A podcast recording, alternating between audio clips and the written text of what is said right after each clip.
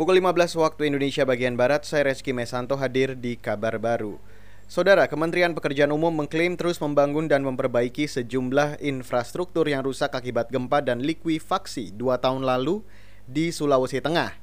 Gempa dan likuifaksi terjadi di kota Palu, Sigi, dan Donggala. Kepala Badan Pengembangan Infrastruktur Wilayah di Kementerian PUPR, Hadi Sucahyono mengatakan, Pembangunan antara lain 1.800 hunian tetap bekerja sama dengan Yayasan Buddha Suci, AHA Center, dan Apexi. Kementerian PUPR juga membangun sumber daya air dan jaringan irigasi di Sigi, membangun jalan sepanjang 14 km termasuk jembatan Ponulele di Palu. Eh, sumber daya air menangani yang dari sumber air di Gumbasa. Kita tahu pada saat kejadian kan terjadi uh, kerusakan jaringan uh, sumber daya air di sana. Jadi sila kita perbaiki dan mudah-mudahan ini menjadi juga uh, normal pada akhir tahun tahun ini. Demikian juga jalan ya. Kita memperbaiki jalan uh, termasuk jembatan tadi, jembatan kuning maupun jalan internal di Palu maupun jalan eksternal ke arah luar kota Palu. Nah, ini juga kita tangani secara bertahap tentunya. Kepala Badan Pengembangan Infrastruktur Wilayah di Kementerian Pekerjaan Umum Hadi Sucahyono menambahkan, kendala yang dihadapi kementerian dalam penanganan pasca bencana antara lain data penetapan warga terdampak bencana yang sering berubah. Selain itu, ada kendala pembangunan kembali Rumah Sakit Palu yang lokasinya diperkirakan masih berada di zona rawan bencana. Pada 28 September 2018 lalu, Kota Palu dan sekitarnya diguncang gempa kuat Gempa juga mengakibatkan pergerakan tanah atau likuifaksi. Lebih dari 12.000 rumah rusak, korban meninggal 3.600-an orang dan lebih dari 82.000 orang mengungsi. Kita ke Jawa Tengah, saudara musim kemarau di kawasan Jawa Tengah menyebabkan terhentinya layanan air minum untuk ribuan pelanggan di Kabupaten Rembang.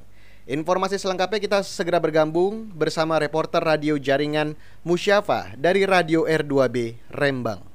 Perusahaan daerah air minum PDAM menghentikan pelayanan suplai air dari Embung Lodan Sarang kepada dua ribuan sambungan rumah yang tersebar di sejumlah kecamatan. Hal itu karena kondisi debit air embung atau bendungan mengering akibat musim kemarau. Direktur PDAM Rembang Muhammad Afan menjelaskan pihaknya tidak menerbitkan rekening air mulai bulan Oktober sampai dengan pelayanan normal kembali. Untuk meringankan beban pelanggan, PDAM siap mengirimkan bantuan air dengan truk tangki ke desa-desa yang terdampak. Pelayanan PDAM di Warisalang menjadi terhenti. Jadi konsekuensinya PDAM tidak menerbitkan rekening di mulai bulan Oktober sampai dengan nanti kondisi normal kembali. Muhammad Afan, Direktur PDAM Rembang. Selain embung lodan yang stop total, persediaan air baku di sejumlah waduk atau embung lainnya juga mendekati kritis. Solusi utama, PDAM kini tinggal menantikan musim penghujan tiba guna menyelamatkan pelayanan. Musyafa R2 Birembang melaporkan untuk KBR.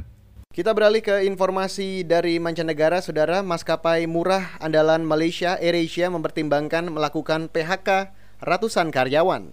Kantor berita bernama mengutip sumber internal AirAsia menyebutkan AirAsia akan memberitahukan ratusan karyawan korban PHK tiga hari sebelumnya. Maskapai juga siap memberikan sejumlah kompensasi seperti tunjangan kesehatan dan penukaran kupon penerbangan akhir tahun. Menurut CEO AirAsia Riyad Asmat, ratusan karyawan yang di PHK bisa dipekerjakan kembali sesudah berlalunya masa pandemi COVID-19.